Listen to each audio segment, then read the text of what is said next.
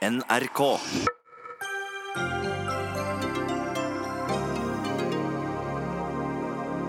Hva var det Stortinget gjorde i dag?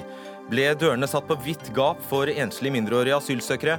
Eller var det et skrivebordsvedtak som bare vil spare noen ytterst få fra å bli sendt tilbake til et kaotisk Kabul? Nav har ikke god nok kontroll med hvem som får dagpenger. Det skjer misbruk, fastslår Riksrevisjonen. Hvor mange av de 15 milliardene vi bruker på dagpenger, er svindel? KrF har ikke en strategi som forteller hva KrFs politiske prosjekt er. Kanskje ikke så rart, helslakten fra evalueringsutvalget ble sluppet forrige fredag kveld. Og Trygve Hegnar kommer, til å, kommer for å fortelle nøyaktig hvor idiotisk han mener SV-forslaget om at han skal måtte kreve betaling for parkeringsplassene til de ansatte er.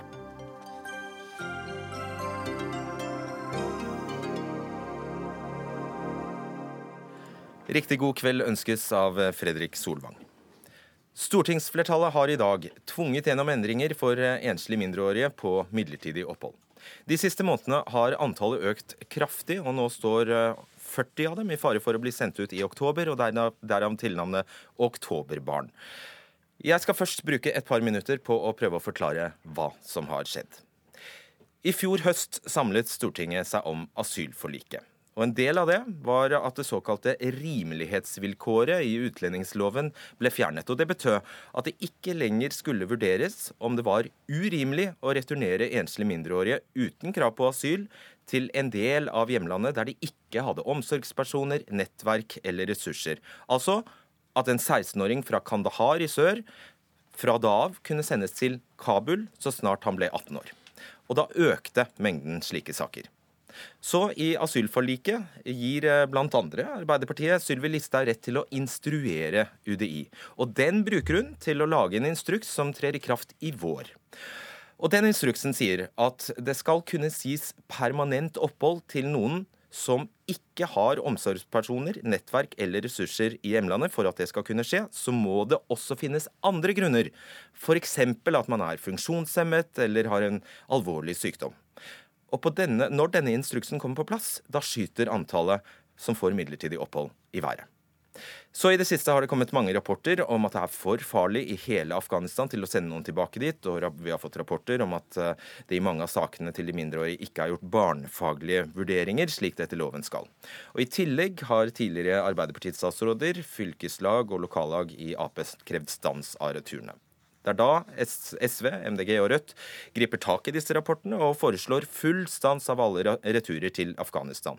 Det forslaget har falt. Det som ble vedtatt på Stortinget i dag, er fire forslag fra Arbeiderpartiet som får støtte av SV, Senterpartiet, Rødt, MDG, Venstre og KrF. Instruksen til Listhaug skal bort. Det betyr at nå skal enslige mindreårige, satt på spissen, kunne få permanent opphold på humanitært grunnlag, selv om de ikke har omsorgspersoner, nettverk og ressurser i Kabul. De skal ikke trenge å være funksjonshemmede i tillegg.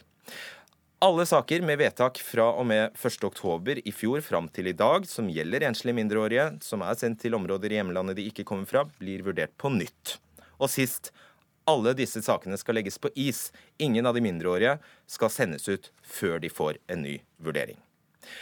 Frøy Gudbrandsen, du er politisk kommentator i BT. Hvordan oppfatter du det vedtaket, de vedtakene som, er, som har kommet til Stortinget i dag? Altså, jeg syns det er litt uh, uklart. Uh, og jeg tror uh, rett og slett vi trenger litt sånn utdypning for å vite nøyaktig hva det er Hva konsekvensen av dette blir, da.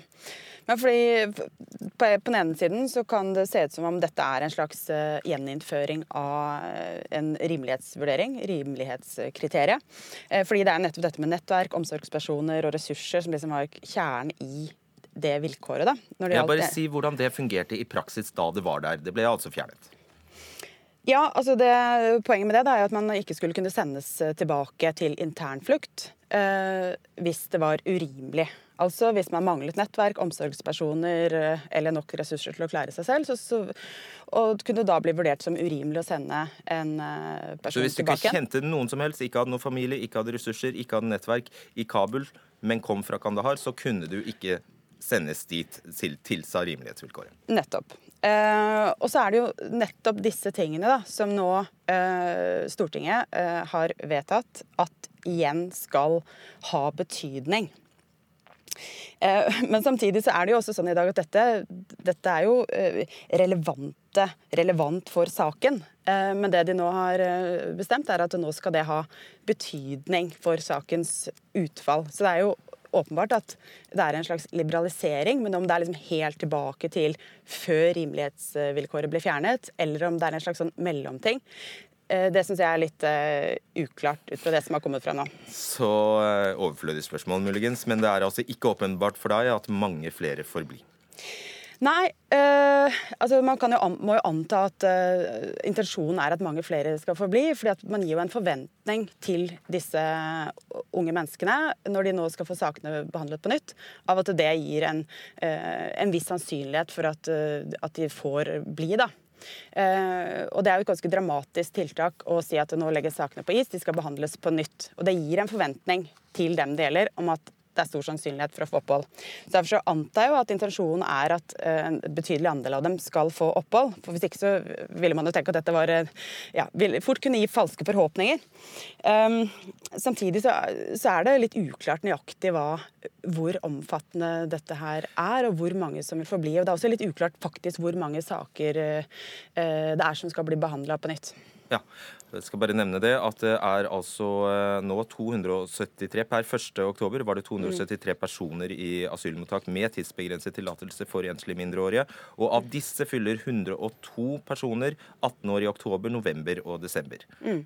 102 personer, eh, altså. Bare kort, eh, fru eh, Gulbrandsen. Det er jo ikke, hvis du skal ta det med i betraktning, noe overveldende stort flertall på Stortinget for massive liberaliseringer på dette området.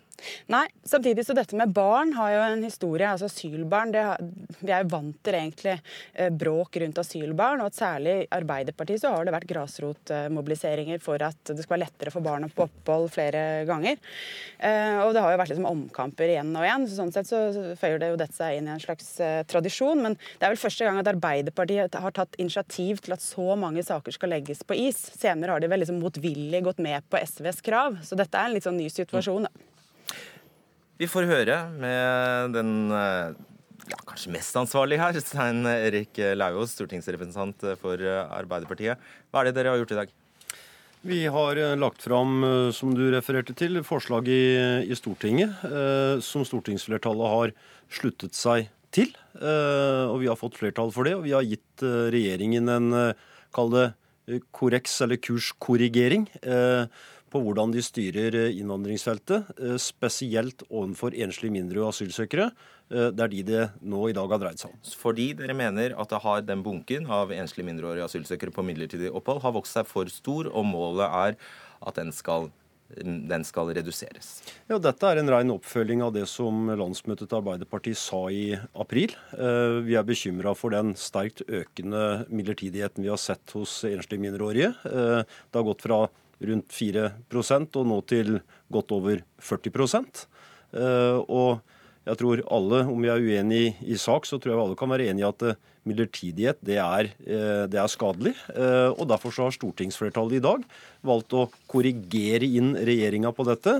Gitt de en ny instruks om hvordan de skal håndtere dette. her. Flere skal få bli, ja eller nei?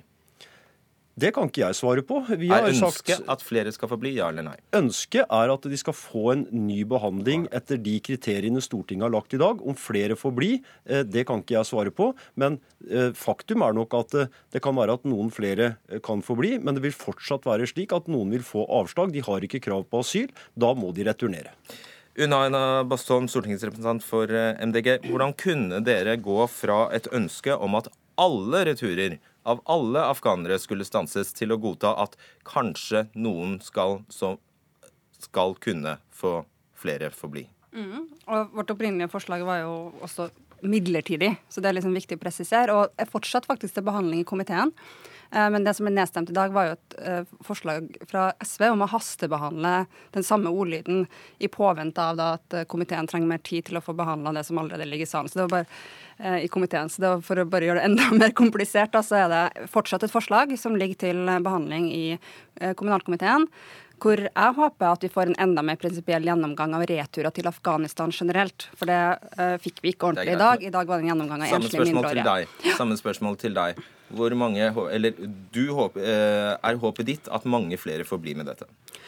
Uh, det viktigste for meg er at både barn og voksne skal få en ordentlig vurdering av sin søknad. Uh, og nå uh, Det var ikke det jeg, jeg spurte om. Håper du at mange flere får bli med dette? Ja, jeg mener at mange flere skal få bli. Jeg mener at det å sette enslige mindreårige asylsøkere i en midlertidig situasjon Vil dette vedtaket, dagens... disse fire vedtakene føre til det? Det kan det gjøre. Fordi det, det, og da mener jeg det er to ting da, som har endra seg litt i løpet av dagen i dag med de vedtakene. Det ene er at den instruksen som departementet ga til UDI, faktisk på tvers av det UDI sjøl anbefalt, var at eh, det man har eh, vektlagt av eh, mangel på omsorgspersoner, nettverk og ressurser, Eh, ikke skulle være nok for å få varig opphold. Ja, det, var det, det var, jeg satte på spissen og sa at du måtte være handikappa i tillegg.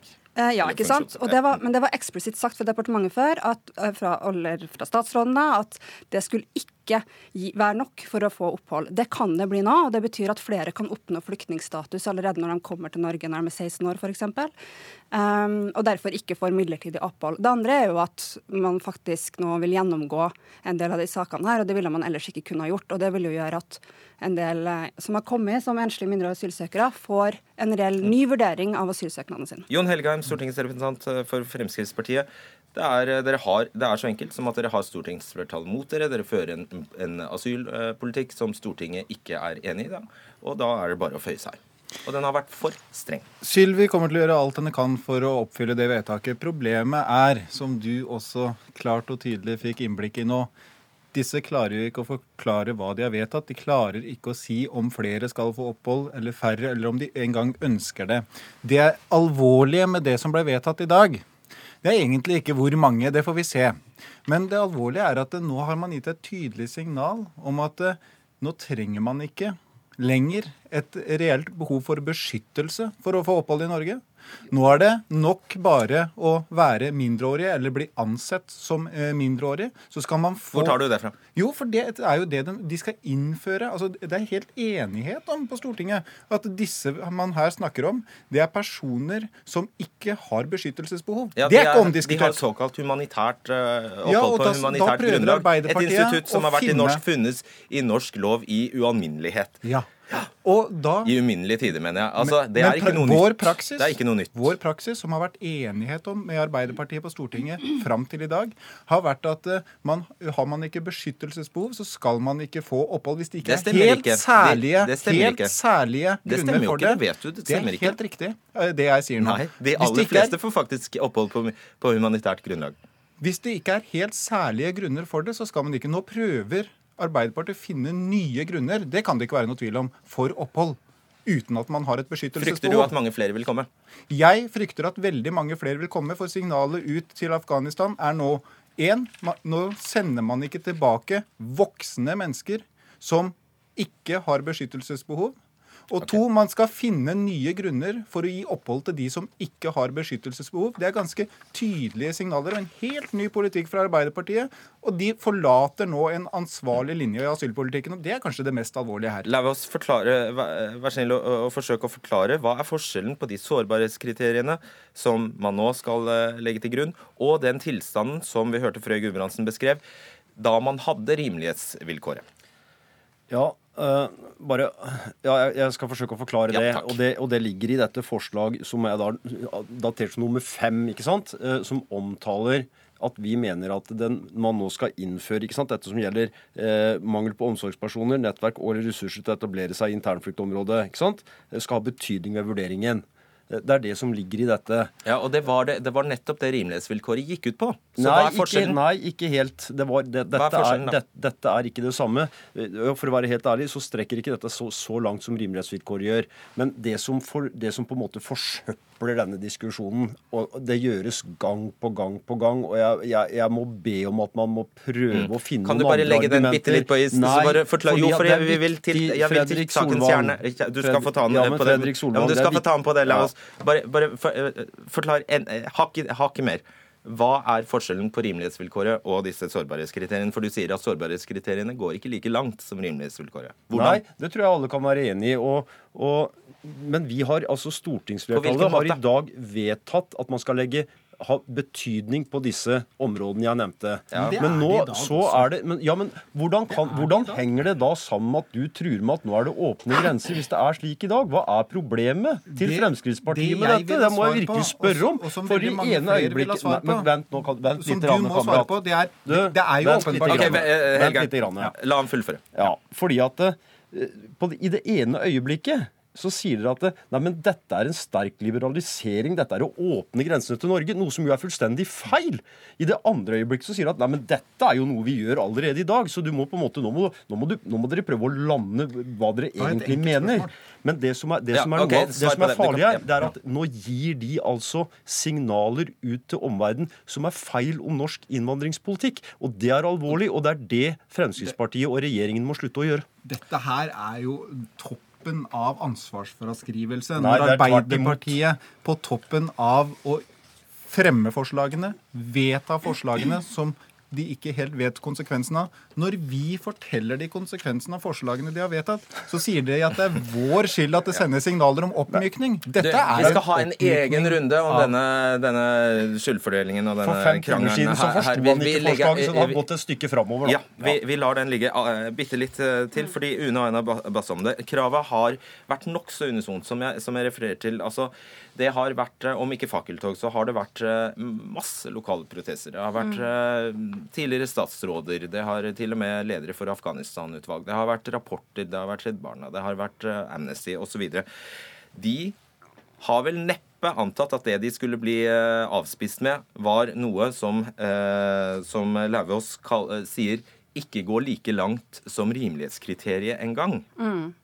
Da er det jo blitt helt- lurt. Det man øh, Kanskje, men da med åpning Kanskje for at det fortsatt skal behandles uh, i, i komité. Hvordan sant? Kan dere, hvis dere mener dette, så, altså siden det er enkeltskjebner man snakker om, hvordan Ja. kan man sitte og være tilfreds med at vi har kanskje blitt lurt? Ja, men Jeg sitter jo ikke her nå og er tilfreds. Jeg mener at det vi skulle ha hatt i Stortinget i dag, var en prinsipiell, skikkelig gjennomgang av returer til Afghanistan generelt. Vi skulle hatt en gjennomgang av hvordan Norge tar imot enslige mindreårige asylsøkere eh, spesielt, og særlig de da mellom 16 og 18 år, som man i dag har fått en helt vanlig for det der.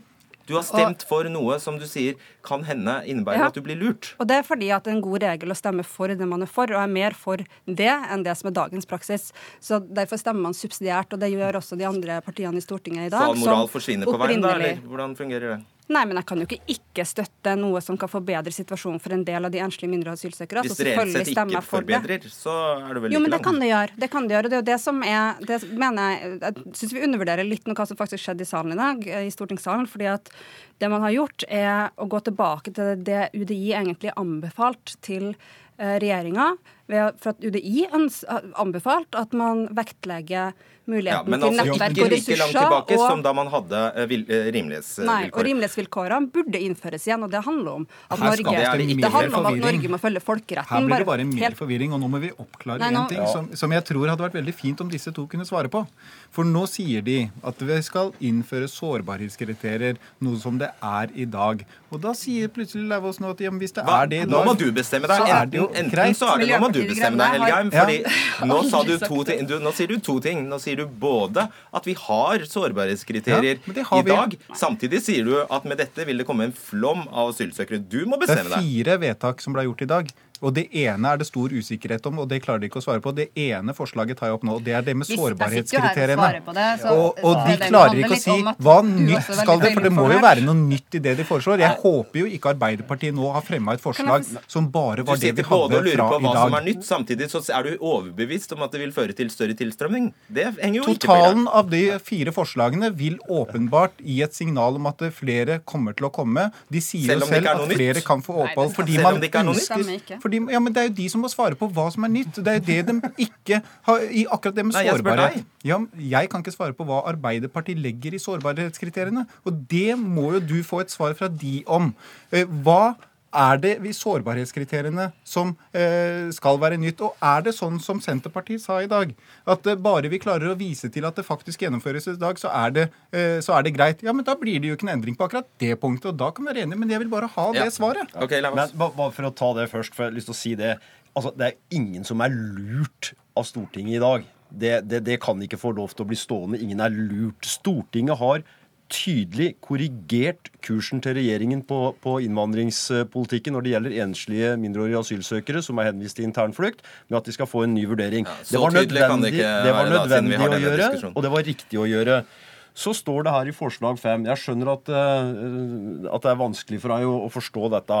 Men Stortinget ber regjeringen så raskt som mulig sørge for at mangel på omsorgspersoner, nettverk og eller ressurser til å etablere seg internfluktområdet skal ha betydning. Men det står ikke avgjørende betydning, og det er Nei, derfor det, oss det er et stort spørsmål hva dette vil føre til. Og da skal bunkene ja, snus. Da skal bunkene nå snus. De skal få sin gjennomgang på en ordentlig måte. Som kan føre til samme utfall. Men de har jo ja, selvfølgelig kan det det. Ja, nettopp, og da er vi jo like langt fordi det De har jo fått Nei, men, avslutte denne debatten. Det har jo nå, nå syns jeg det blir litt useriøst, det, for det har jo faktisk en reell betydning for rettssikkerheten til de menneskene at de får en ny vurdering.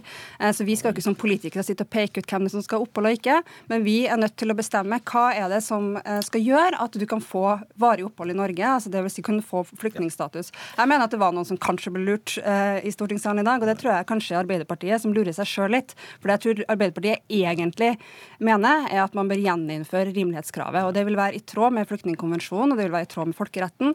Eh, det er det de burde gjøre, ut ifra det som ble sagt i Stortinget i dag fra Arbeiderpartiet. Vi går litt videre, for eh, vi skal høre Jonas Gahr Støre og Jon Helgheim fra Politisk kvarter i morges. Og her krangler de om hvem som skaper størst såkalt pull-effekt. Altså teorien om at hvis man gir signaler om liberalisering, ja, da øker asyltilstrømmingen. Jeg vil gi et politisk værvarsel, og det er på inn- og utpust kommer nå Frp til å si at nå er det fritt fram, nå kan alle reise til Norge, eh, flodgatene er åpnet. Eh, det er tøy, tøys og tøv. Mens det er noe som har såkalt pull-effekt, så er det jo det at talspersonen til den ministeren som har eh, ansvar her, står og sier det. Det blir litt sånn lavmål, for hvis Arbeiderpartiet klarer å innføre en politikk som er å åpne opp, myke opp i lavere terskel for å få opphold i Norge uten grunn, og så er det liksom vår skyld fordi vi påpeker at det er uansvarlig. Ja, Jan Paul Brekke, forsker ved Institutt for eh, samfunnsforskning. Hva vet vi faktisk om disse sammenhengene? Nei, Når det gjelder signaleffekten og effekten av denne typen utspill, så vet man først og fremst at det slår inn ulikt i ulike grupper. Ulike nasjonaliteter oppfatter disse tingene uh, ulikt, og de har ulik bruk av informasjon. Så de henter inn informasjon fra ulike kilder og ulike, på ulike skritt i reisen på vei, eh, f.eks. mot Europa. Da er det jo imponerende hvor bastante de kan være, disse to. Ja, nei, sånn, Det skal ikke jeg uttale meg om akkurat hvor, hvor bastante de er. men uh, Jeg tolker dem som veldig bastante. Ja, ja.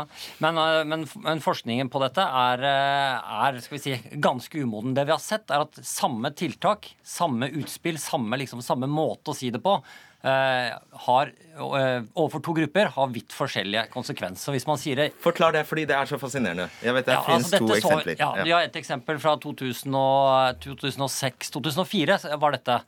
Da var det eh, Solberg som var kommunalminister og kom med et utspill, og et ganske litt sånn diffust utspill om, eh, om noen endringer som var på trappene når det gjaldt eh, familiegjenforeningsregulering.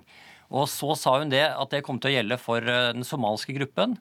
Og da hadde det rask effekt. Um, og det, var, det, det, det, undret mange hvordan det, hvor rask den effekten var. Så hun sa det på en onsdag, og, og torsdag så sluttet folk å komme. Det var helt overraskende. Og da tenkte jo Solberg og mange er det så enkelt å drive politikk på dette feltet?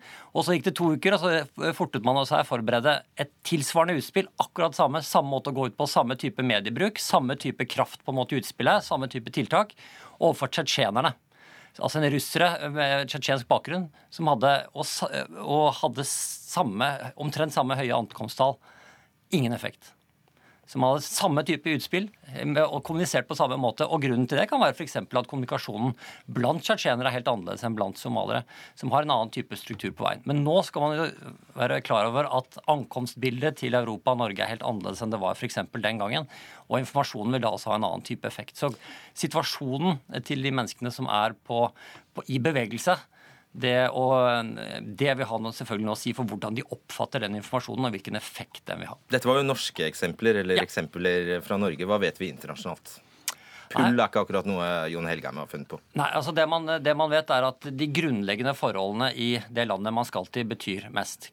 Og grunnleggende betyr Helt i bunn så er det sikkerhet, trygghet. Og så er det muligheten for en framtid. Og der inngår alle disse tingene med et, et utdanningssystem for barna og kunne lykkes i arbeidsmarkedet osv. Og så er selvfølgelig nettverk viktig. Hvem er i landet fra før av?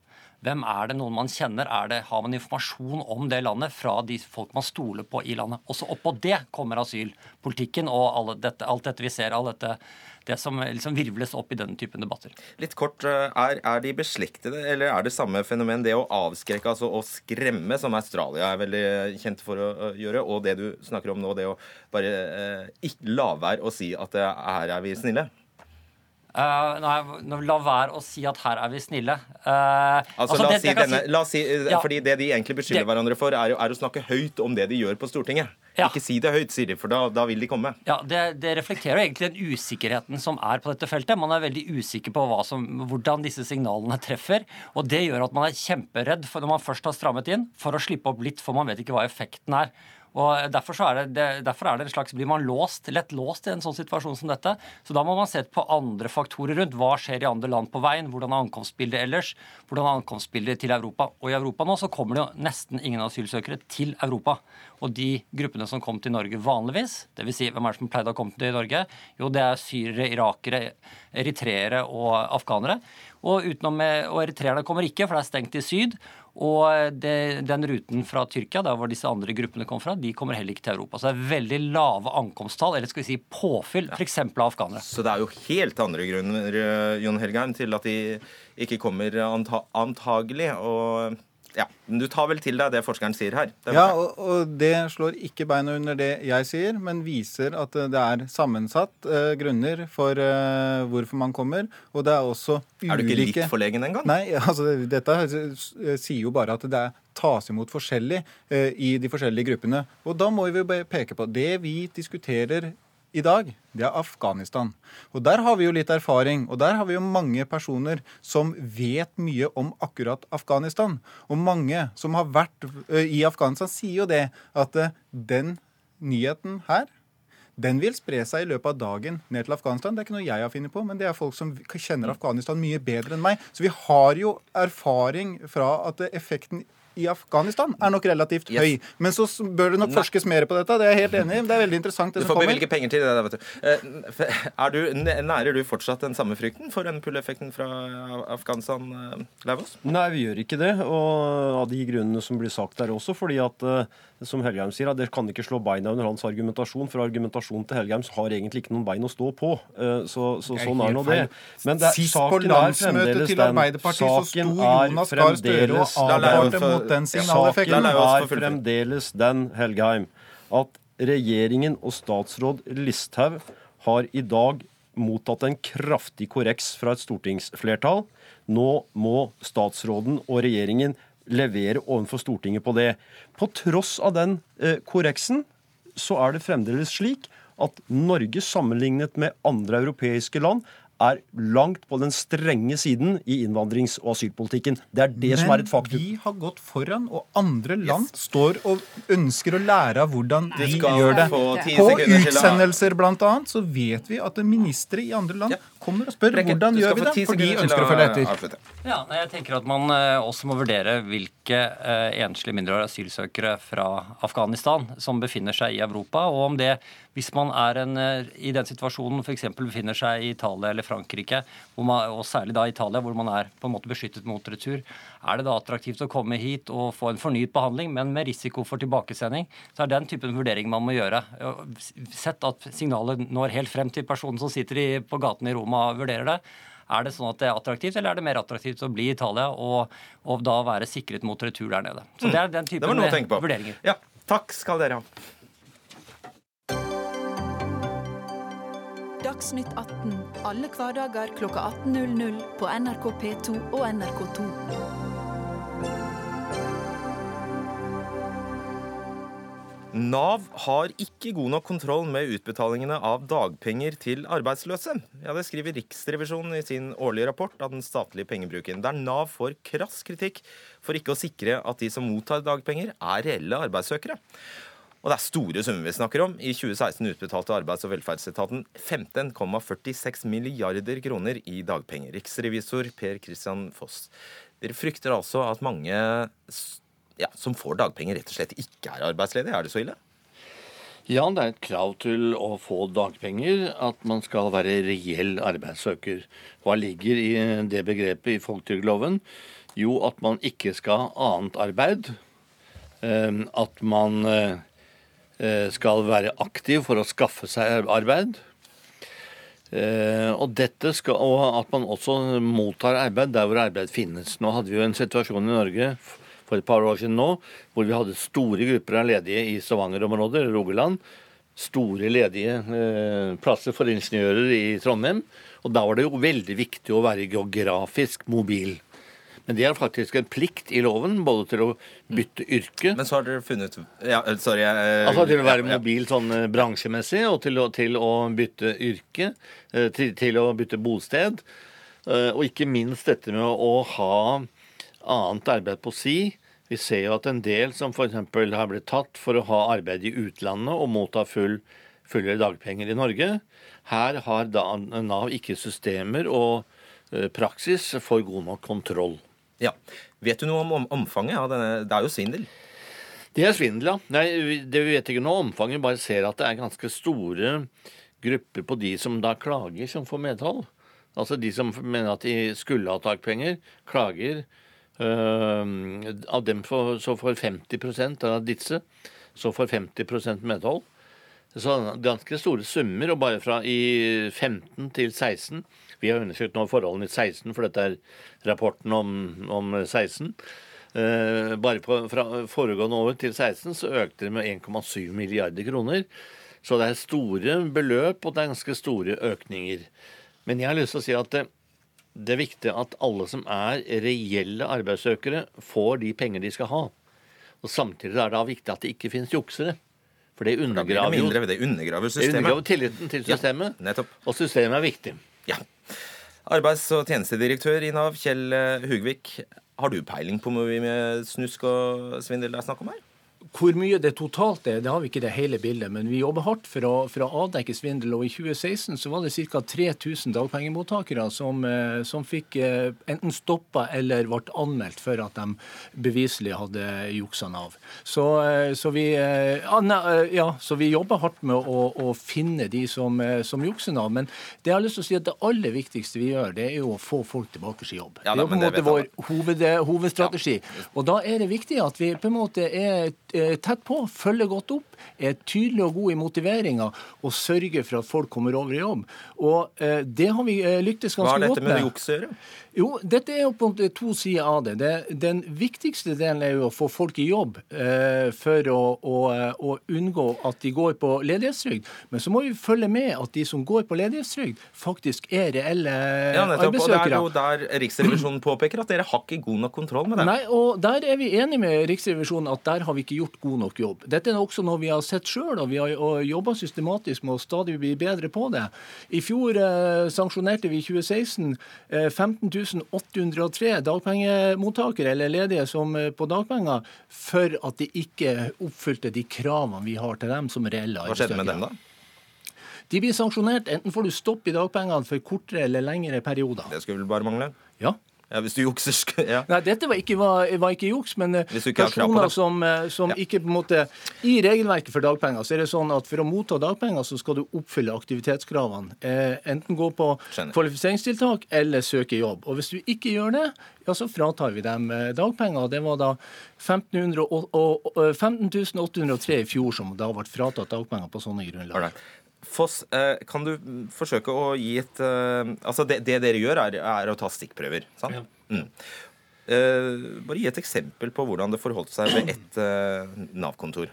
Et av mange Nav-kontorer som ble undersøkt, sier eh, helt åpent at de ikke stilte krav om mobilitet, altså flyttet seg til der jobben fantes i landet, i 2016 i det hele tatt. Og det synes jeg er ganske oppsiktsvekkende, tatt i betraktning at den foregående arbeidsministeren jo eh, offentlig sa at det må stilles økte mobilitetskrav nå når vi går inn i Den gang var det 2014. Det er noen år siden nå. Allikevel sier altså et Nav-kontor eh, og jeg tror det kan være flere, at nei, vi har ikke gjort dette. De ga bare blaffen? De ga blaffen. Det de sier at de gjorde, det er at de har hatt møter hvor de har understreket behovet om mobilitet på informasjonsmøter og i samtaler. Men altså med å praktisere loven, det har man ikke gjort. Hugvik. Ja, jeg vil eh, på en måte det sterkeste avvise at Nav-kontoret gir blaffen. Jeg tror eh, våre medarbeidere- ja, Men jeg tror våre medarbeidere Jeg kjenner ikke akkurat Glem det konkrete ja. kontoret, men jeg tror våre medarbeidere jobber hardt med å motivere og tydelig- og tydeliggjøre. Og det er ikke bra. Og sånn skal det ikke være. Derfor Nei, har vi også jobba hardt også med å få opp kompetansen. Det å få tydelighet Nei, i forståelsen det man, hvis, for dette. hvis man unnlater å eh, anvende mobilitetskravet på samtlige dagpengebrukere, så er ikke det tilfeldig. Det kan du ikke få oss til å det kan, Du kan ikke Ja, altså, å få altså, oss til jeg kjenner ikke tro det bildet og den virkeligheten i, i Nav. I, I mitt kjennskap, og jeg har ganske god kontakt med Nav-kontorene, jeg besøker Nav-kontorene mye, og jeg vet at det Betviler jobbes du at hardt det stemmer? det. Nei, altså, jeg kan ikke betvile hvis det er et funn man har gjort ved ett Nav-kontor og ved, ved intervjuer. Men vi ser også i de tallene, de 96 sakene som Riksrevisjonen har, eh, har undersøkt, så er det også upresise tall. Blant annet blant disse 96 var det mange av de som, eh, som, skulle som Riksrevisjonen hevder skal stilles krav til, var delvis ledige eller permitterte. Der skal ikke Nav stille krav, for de er allerede i jobb eller skal tilbake til jobb. Det var jo flaut- det, det eh, det er ikke helt presisjon heller i disse funnene. Nei, for å være helt presis, det var mer enn ett Nav-kontor, alle vi har undersøkt. Og vi pleier å ta et representativt utvalg av Nav-kontor. Ja, men nå Har sa egentlig det at dere ikke har skjønt regelverket engang. Jo, det har vi gjort. Absolutt. Og vi har til og med også avdekket at der Nav selv avdekker at de har, at de har mottatt uberettiget trygd, ikke bruker sanksjonsmidler, som er å trekke det tilbake. Så NAV, det inntrykket er at Nav-kontoret har Nav-kontorene har et litt omtrentlig omgang med dette. Om det kan ligge i en kultur, eller om det kan ligge i dataverktøyet eller i rutiner, det vet jeg ikke. Men det er avstand mellom statsrådenes ønsker om, om aktivitetsplikt og om det å være reell arbeidssøker, og det vi avdekker nå ved å sjekke på kontorene. Ok, jeg skal supplere, Du skal få svare på det, men jeg skal supplere med en, eh, et annet eksempel. Fra et Nav-kontor avslørte Riksrevisjonen at i 72 av 210 dagpengesaker var det ikke samsvar mellom hva den arbeidssøkende hadde oppgitt på meldekortene, og hva arbeidsgiver hadde innrapportert. I 72 av 210 dagpengesaker. Ja. Nei, og eh, Situasjonen mellom Nav eh, og eh, en, en bruker, mellom Nav-veileder og en bruker er i utgangspunktet basert på tillit. Og Så gjør vi etterkontroller, og vi foretar etterkontroller. og Da prøver vi systematisk å etterprøve og bruke registerdata. Det blir vi stadig bedre til. Og da finner vi den type juks. Men det er jo sånn at når man søker om dagpenger, så skal man jo eh, på et meldekort si fra eh, hvor mye jobber man. Har man hatt noen timer ekstra, så skal man melde ifra på det. Og vi i utgangspunktet mener, eh, tror jo at folk er ærlige, men så prøver vi å da avdekke hvis man da Hvis du tror folk er ærlige, hvor langt, hvor, hvor langt Dette var jo én av tre var det juks. Hvor, eh, eller ikke samsvar.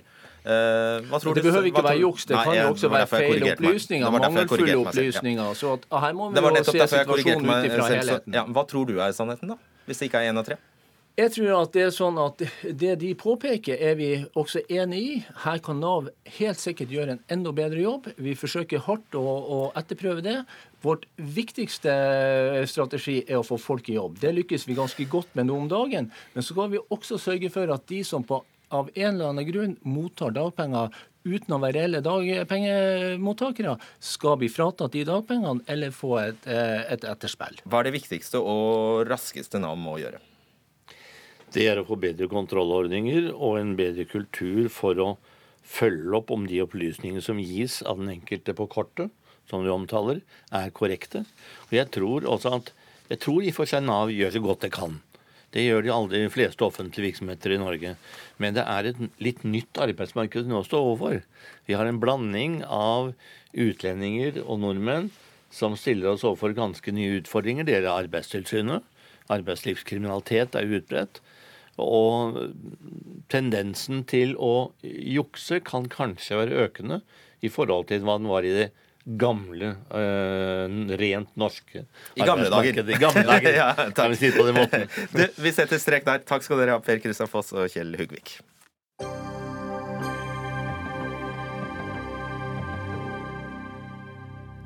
Fredag kveld klokka 19.10 sendte Kristelig Folkeparti ut en pressemelding med tittelen KrFs valgevaluering.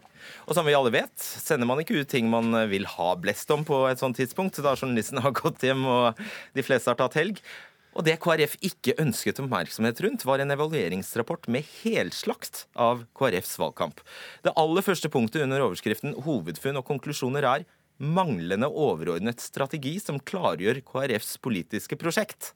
Kjell Ingolf Ropstad, nestleder i KrF. Altså, det der er selve definisjonen på hva et politisk parti er. Ja, og det er jo fristende å begynne å argumentere på hva KrF sin politiske prosjekt er, men, men for oss så var det viktig at etter et så dårlig valg som vi gjorde, så skulle vi ha en åpenhjertig og åpen evaluering. Og til din innledning, så, så selvsagt, vi hadde ikke trengt å legge det ut engang.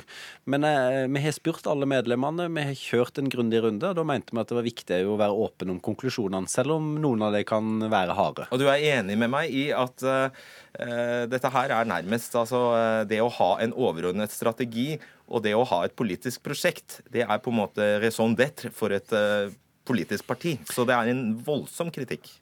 Ja, og jeg eh, som sagt eh, kan godt tegne bildet om hvordan jeg ønsker samfunnet skal være. Og KrF kjemper for enten det er familievennlig eller et samfunn som er mer inkluderende, miljøvennlig osv. Men, men det som vi gjorde i landsstyret, som behandla rapporten på, på, fredag, og òg valgte at den skulle bli offentliggjort utover dagen, det var en tydelig runde på at en selverkjennelse på at vi gjorde ikke en god nok valgkamp. Vi, vi hadde ikke en god nok strategi. Vi kommuniserte ikke godt nok. Mm. Eh, og nå må det snus. Eh, det står jo at omgående bør partiet utarbeide en sånn strategi. Har dere satt i gang?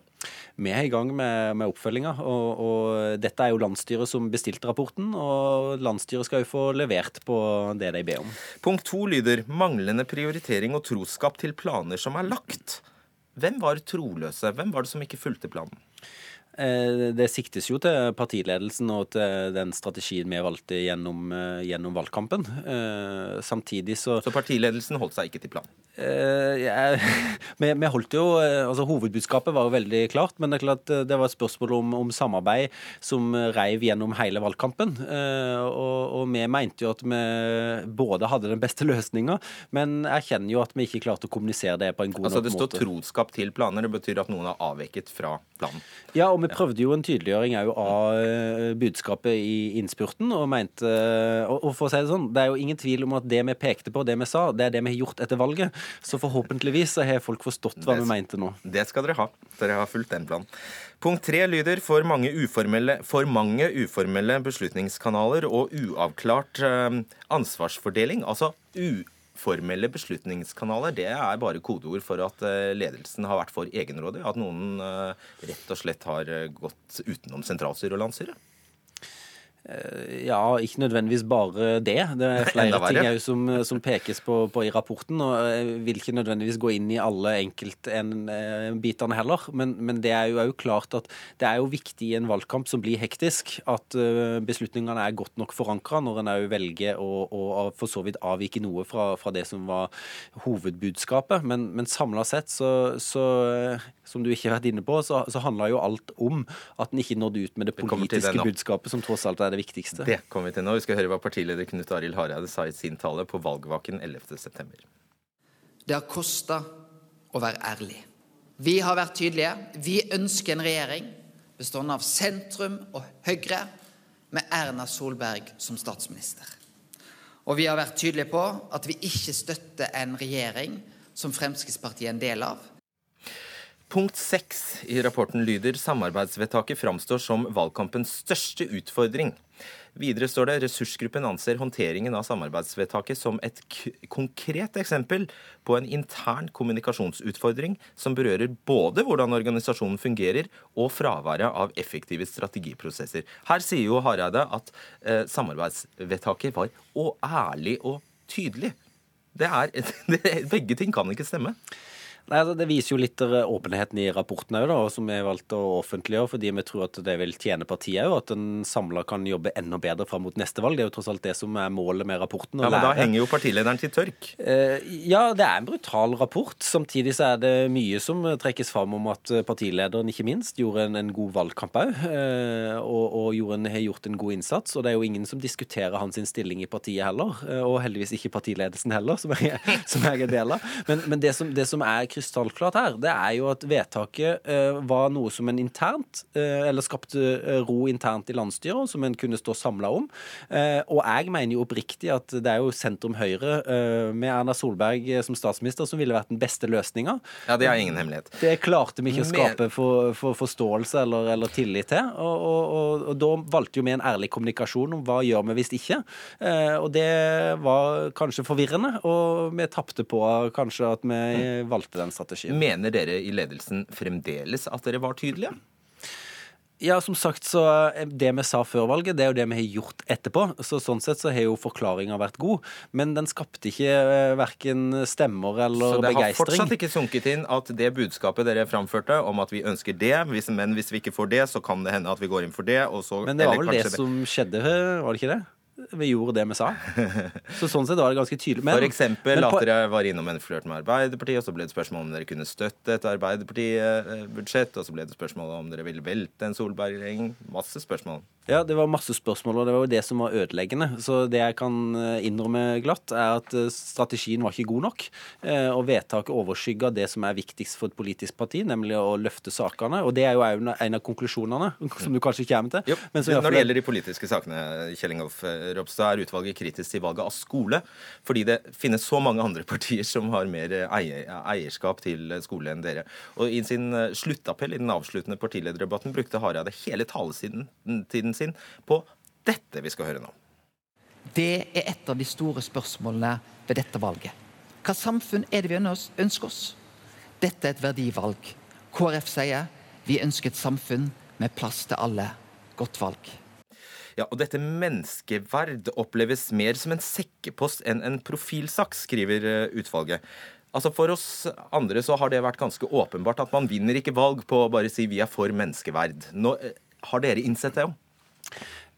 ja, det er jo en tydelig tilbakemelding fra, fra evalueringsrapporten. Eh, og det er klart, Nå jobber vi med budsjettforhandlinger, som jeg kommer rett ifra samtaler om.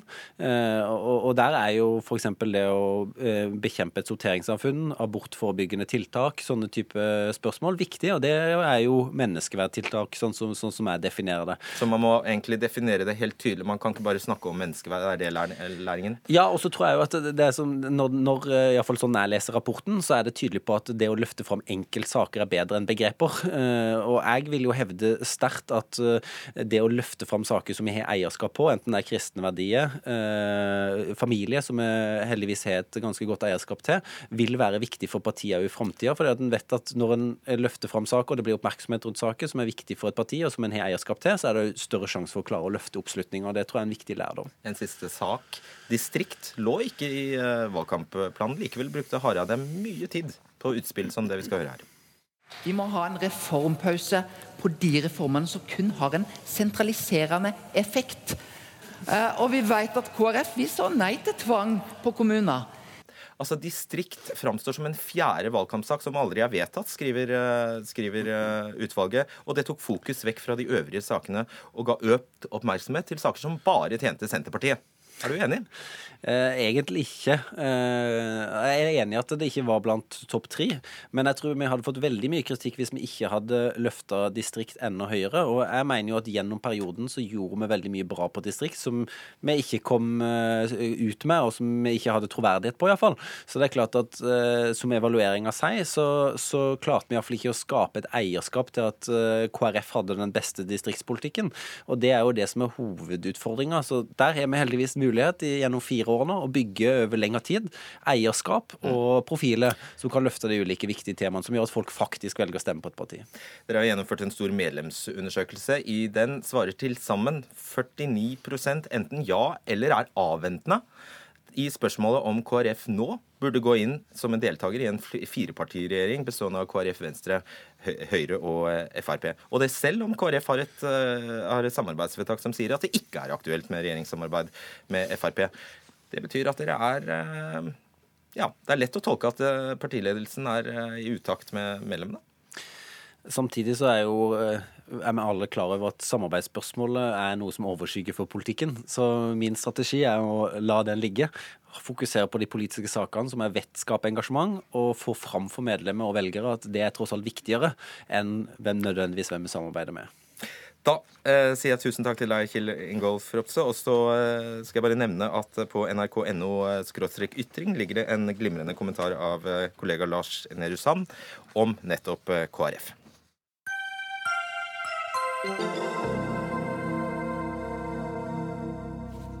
Trygve Hegnar mener SVs parkeringsforslag er sitat, idiotisk. Partiet har fremmet et forslag om at firmaer som har gratis parkering for de ansatte, må ta betaling av dem. Og Det samme skal skje på alle kjøpesentre med gratis parkering. Redaktør i Finansavisen, eh, Trygve Hegnar, igjen. Eh, Ja, du sier altså. Det, det var et sitat. Du kaller det idiotisk. Hvorfor er det? Nei, jeg mener det er idiotisk fordi det er helt umulig å gjennomføre. Det er umulig å forstå. Og eh, det er kanskje ulovlig. Den Det kortversjonen er jo det at eh, vi har jo fått høyere bompengeavgifter, vi har fått eh, rushtidsavgift, vi har fått færre parkeringsplasser, vi har fått dyrere parkering.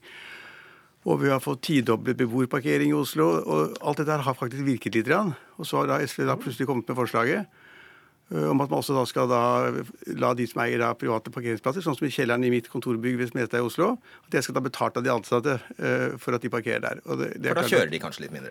Nei, men altså Poenget er at det er jo helt tullete, for da kommer masse spørsmål opp. ikke sant? Eh, For det første så er det lovlig å ekspropriere min eiendom, det tror jeg ikke. Men det skal jeg la juristene overta.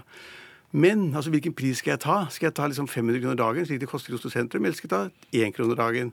Og Er det jeg som får pengene, eller er det Oslo kommune som får pengene, eller staten som får pengene? Hvis jeg får pengene, så er det ganske morsomt, men jeg tror de ansatte ville bli, ville bli ganske sure hvis jeg sopet inn 500 fra hver parkeringsplass hver dag. Og, og dessuten, hvis og Olav Thon, som eier så masse kjøpesenter? Skal han bli enda rikere da, fordi han krevde pengene? Eller må han overføre pengene til Oslo kommune eller SV eller til staten?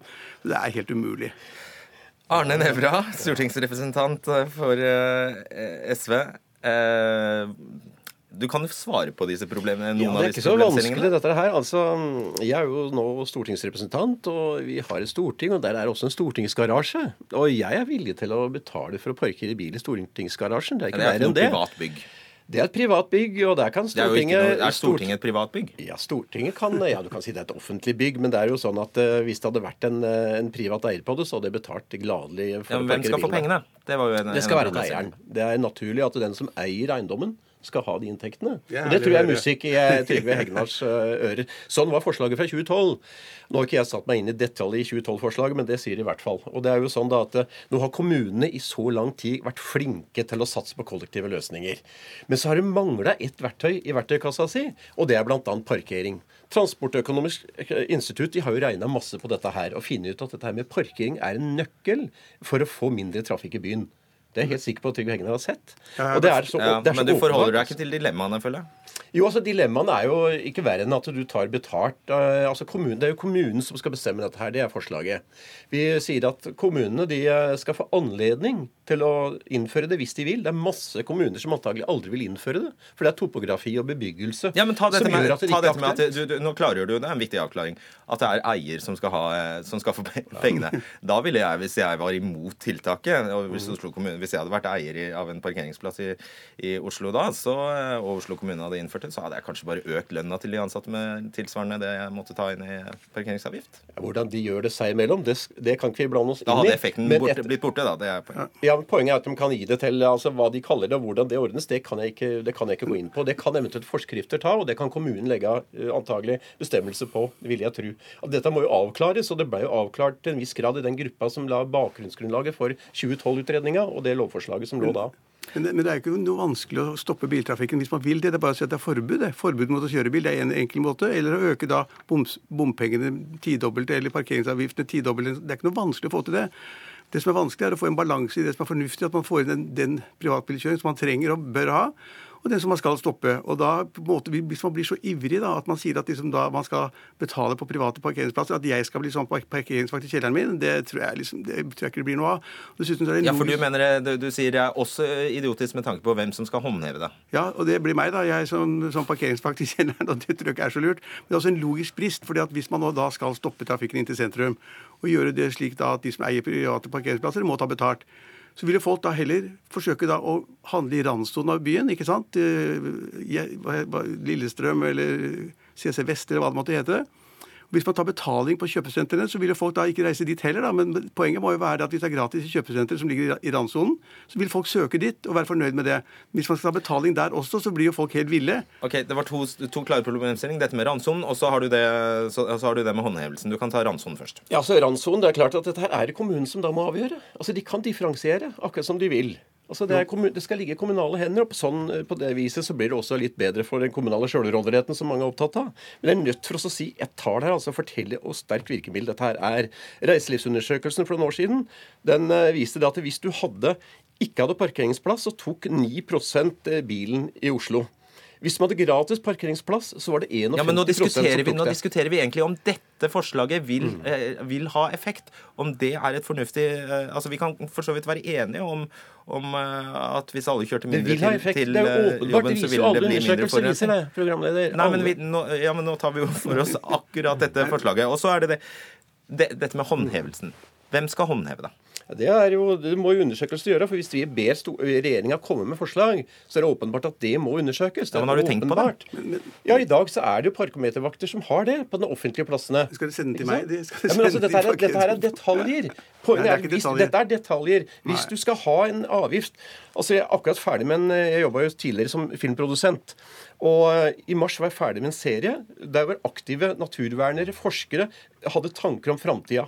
Og så sier de følgende Det vi ønsker oss, sier de med alvor i øya, det er modige politikere. De ønsker seg modige politikere. Det er nettopp sånne ting som er vanskelig å selge inn. Sitron i forhold til sukker. Men, men jeg syns det er så snålt, fordi at eh, på Stortinget er det jo en svær garasje under hele Stortinget. Kjempesvær. Alle kan parkere der. Og under rådhuset er det en kjempesvær garasje, og alle kan parkere under der. Og der, Den er gratis, selvfølgelig. Men det er først, og jeg tipper at det blir veldig vanskelig å få da stortingspolitikerne, deg inkludert, til å betale for å kjøre inn i garasjen på Stortinget. Og i, og i rådhuset er det også kjempevanskelig. Men hvis, hvis man begynner å ta parkeringsplasser fra private, eller ta betaling der, 500 kroner hver dag, da, 500 kroner hver dag, så tipper jeg at da Stortinget kommer til en, en eller annen løsning om at man må betale for å parkere der. Men så får de en liten luringbetaling etterpå, sånn godtgjørelse som dekker opp for det etterpå. Sånn er det jo Ja, alltid det blir politikk- spekulasjon da, Hegnar. Ja, ja, det blir spekulasjon. Det er også skattemessige spørsmål. Det er mange spørsmål her. for Ja. De får eh, altså, gratis parkeringsplass i dag, så skal de i prinsippet skatte av det.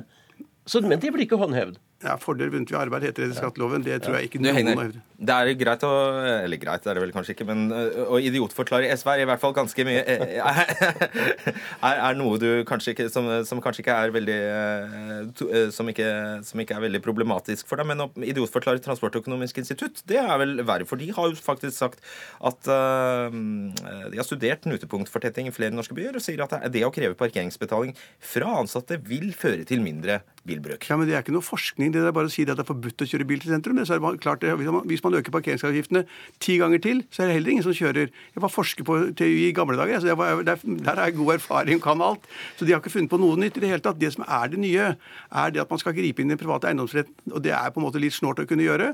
Og si da at jeg da skal ta betalt fra mine 150 ansatte, som har da plasser ute og inne. Skal jeg da differensiere plassene ute og inne? Skal det koste 500 kroner inne og 250 kroner ute? Og så skal jeg gå og passe på hvem som har vært der, og som har trengt bilen i arbeids medfør. Jeg syns SV skal finne på noe annet og morsommere. Øk bompengeavgiftene, øk parkeringen i sentrum, men ikke ta ville fra folk du parkeringsplassene. applaudert det, Hegnar? Ja, At vi ja, absolutt. øker disse avgiftene? Absolutt. Du er imot alle disse avgiftene? Nei, ikke er i det hele tatt. Nei, ikke det. Jeg er opptatt på TØI, så hvis du bruker TØI som sannhetsvitne, så kan ikke få en bedre mann enn meg. Men det der, og, og på en måte da si det at Olav Thon skal få liksom da noen millioner hver dag, fordi at da de som kommer på kjøpesenteret for å kjøpe brød, brød og melk, at de skal betale for å parkere der, når, når det i dag er gratis, det er en håpløs løsning. Og det er ikke SV-politikk heller, det er jo lite sosialt, det er jo usosialt. Det er masse å si om det der, det der men altså, dette kan presse, presse seg på, for de mangler altså det der verktøyet i den verktøykassa si, som jeg sier. Det er veldig viktig at man har alle disse mulighetene i kommunen, men jeg tror det er veldig få kommuner som kommer til å bruke det i grisgrendte strøk. Vi snakker om tettbygde strøk, vi snakker om byer. Men hvor mange velgere tror du SV kommer til å få hvis alle som parkerer på Skal på kjøpesenter, skal betale for det? så kunne vi ikke kalt inn avgifter i hele tatt. Jo. Hadde vi tenkt på velgerne, så hadde vi antagelig eh, ikke hatt eh, avgift på sukker, alkohol og tobakk heller. Så dere kommer til å stå på Så- avgiften om at folk skal betale i min, min garasje, altså? Det kommer til å stå på Vi, det. vi, Og- og vi, vi, skal, vi skal i hvert fall sende forslag om å utrede, så får vi se. Ja, jeg blir rik, jeg av det. Det blir bra, det. Takk skal dere ha, Trygve Hegnar og Arne Nævra. Det var det siste vi rakk i denne Dagsnytt 18-sendingen. Dag Dørum, Erik Sandbråten og Fredrik Solvang sier eh, god kveld.